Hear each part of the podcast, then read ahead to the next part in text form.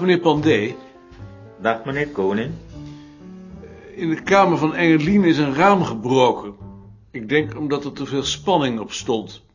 Zou u de Rijksgebouwendienst willen bellen? Dat wil ik wel doen. Weet u het nummer? Nee, maar dat vind ik wel. Graag. Dag Huub. Ah, Maarten. Mag ik ook een kop koffie, meneer Wichtbold?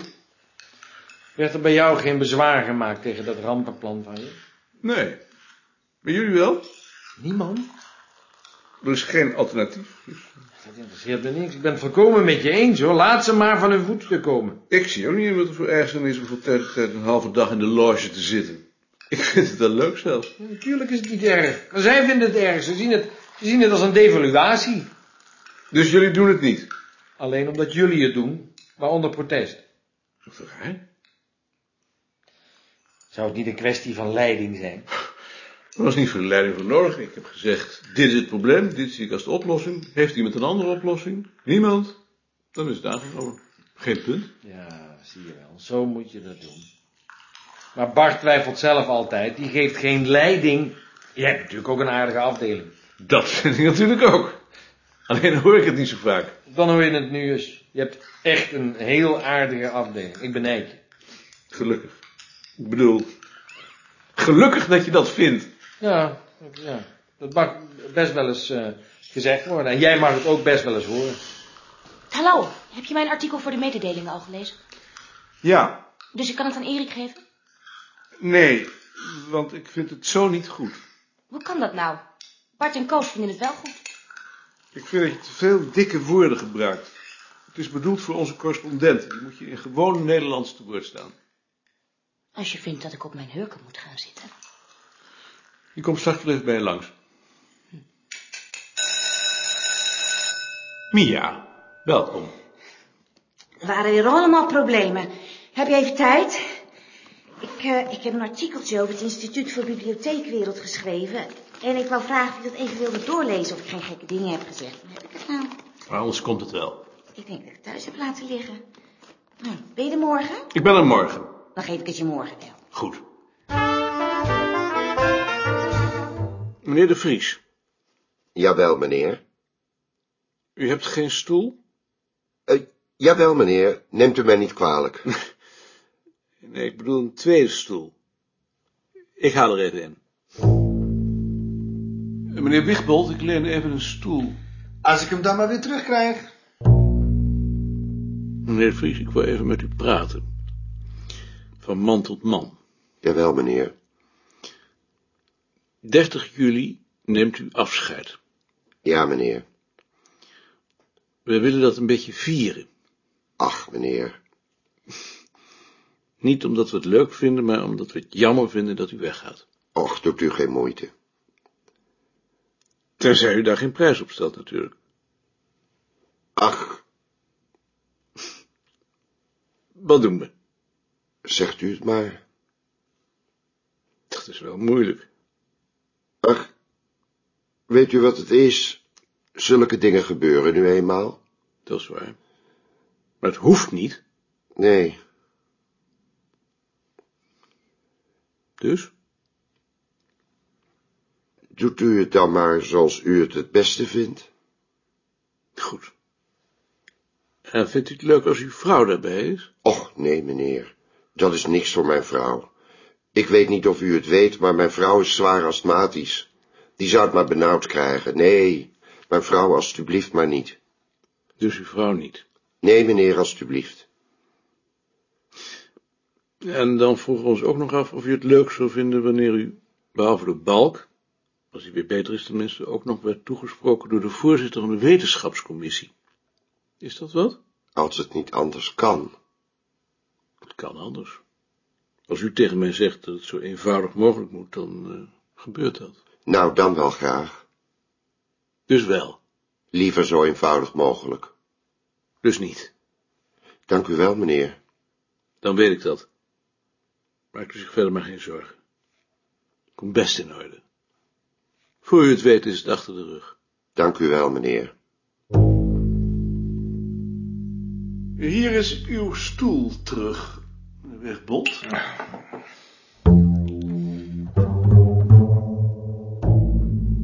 Ik heb één mededeling. De heer De Rode zal op verzoek van het departement voor tenminste één jaar worden uitgeleend aan België. In die periode zal zijn functie worden waargenomen door de heer Pastoors, behoudens goedkeuring van de wetenschapscommissie.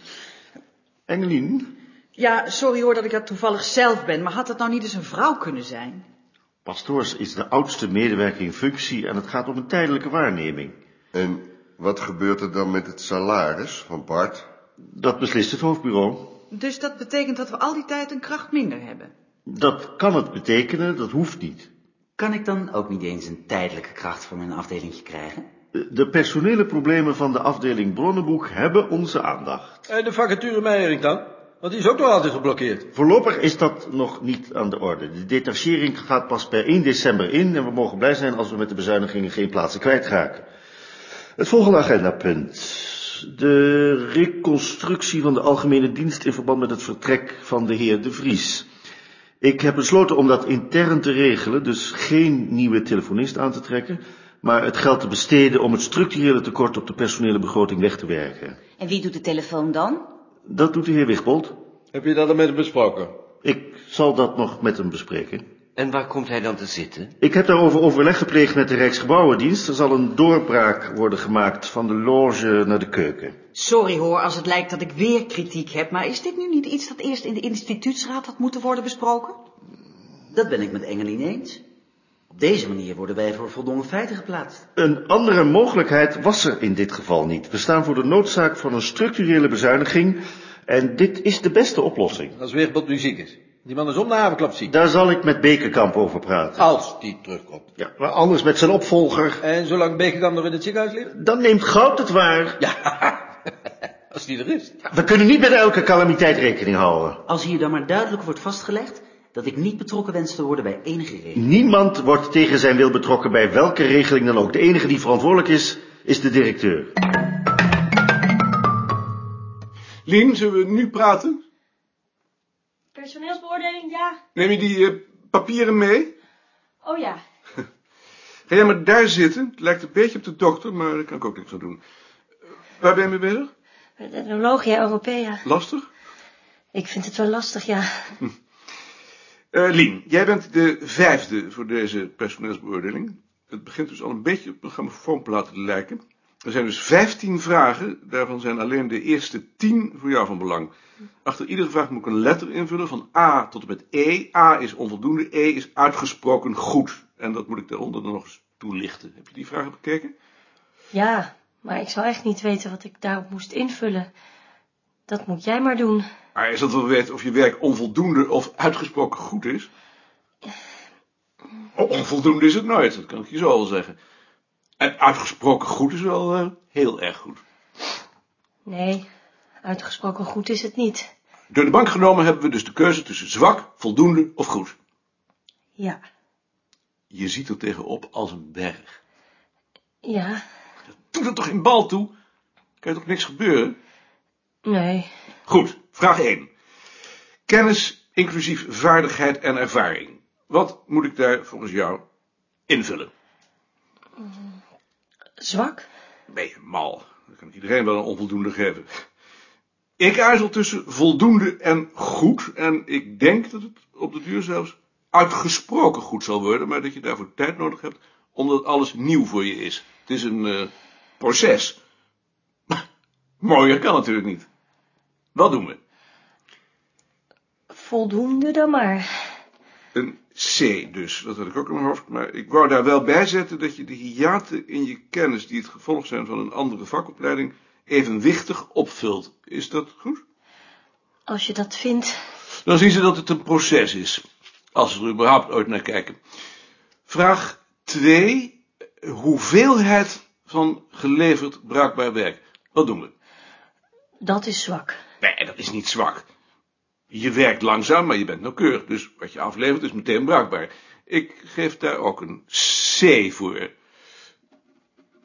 Vraag 3. Kwaliteit van het geleverde werk. Ook een C? Die vind ik zelfs goed. Een D dus. En dat geldt ook voor punt 4. Betrouwbaarheid van het geleverde werk. Ik vind dat je werk wat kwaliteit en betrouwbaarheid betreft... hoort bij het beste wat hier op de afdeling wordt afgeleverd. Ja? Ja, zeker. En ik zal erbij zetten, bij uitstek betrouwbaar. Dan zien ze dat het doorloopt naar E. Maar, maar dat vind ik wel erg hoog, hoor. Ik, Ik ik zet weet geen- niet of ik dat wel Ik zet geen E, ik zet een D. prettig vind. Vraag 5. Inzicht. Dat is de mogelijkheid, ze bedoelen waarschijnlijk het vermogen. Als je die lijst doorleest, heb je af en toe het gevoel dat die door analfabeten is opgesteld. Het vermogen dus om instructies, methoden, procedures, onverwachte situaties op juiste wijze te interpreteren, CQ te hanteren. Nou, Ga er maar aan staan. Wat doen we? B, C, D. Hier dan maar een B. Wat heb jij toch met die bees? Ik vind je inzicht helemaal niet zwak. Je kan hoogstens zeggen dat je tijd nodig hebt om met nieuwe problemen en procedures vertrouwd te raken, maar dat is niet zwak. Een C dan? Een C, maar dan wel een C die op de duur een D zal worden. Vraag 6. Initiatief. Met bruikbare ideeën komen en die kunnen verwezenlijken. Stelt in juiste fase zaken ter discussie. Daar heb ik gehuizeld tussen een B en een C. Kunnen we hier dan niet een B zetten? Vind ik niet redelijk. Tot nu toe hebben we alles naar beneden afgerond. Ik rond dit naar boven af, maar ik zal erbij zetten dat je kracht meer ligt in het uitwerken van ideeën waarmee je je vertrouwd hebt gemaakt, dan in het nemen van initiatieven. Goed? Ja, dat is ook wel zo. Goed, vraag 7. Optreden binnen de werkeenheid in breder instituutsverband tegenover derden naar buiten. Wat vind je daar zelf van? Hoe weet ik dat nou? Daar kun je toch zelf niet over oordelen? Uitgesproken goed vind ik in dit geval te gek. Dan word je een soort, een soort Jezus of Maria. Uitgesproken goed is niemand. Ehm, goed dus. En ik zal het bijzetten als toelichting dat je zorgvuldig en vriendelijk bent in je optreden en dat je geen weerstanden wekt. Tevreden? Ik weet niet of iedereen dat vindt. Hoeft ook niet, als ik het maar vind. Vraag 8. Analytisch vermogen, greep op problemen, relevante gegevens verzamelen, beoordeling en interpretatie van gegevens, concluderen, conclusies presenteren op een wijze die anderen inzicht kan verschaffen. Wat moeten we daar dan weer mee? Analytisch vermogen heb ik helemaal niet. Je krijgt er, je krijgt er heus geen B hoor. Als je nou hoog of laag spreekt, je krijgt een C.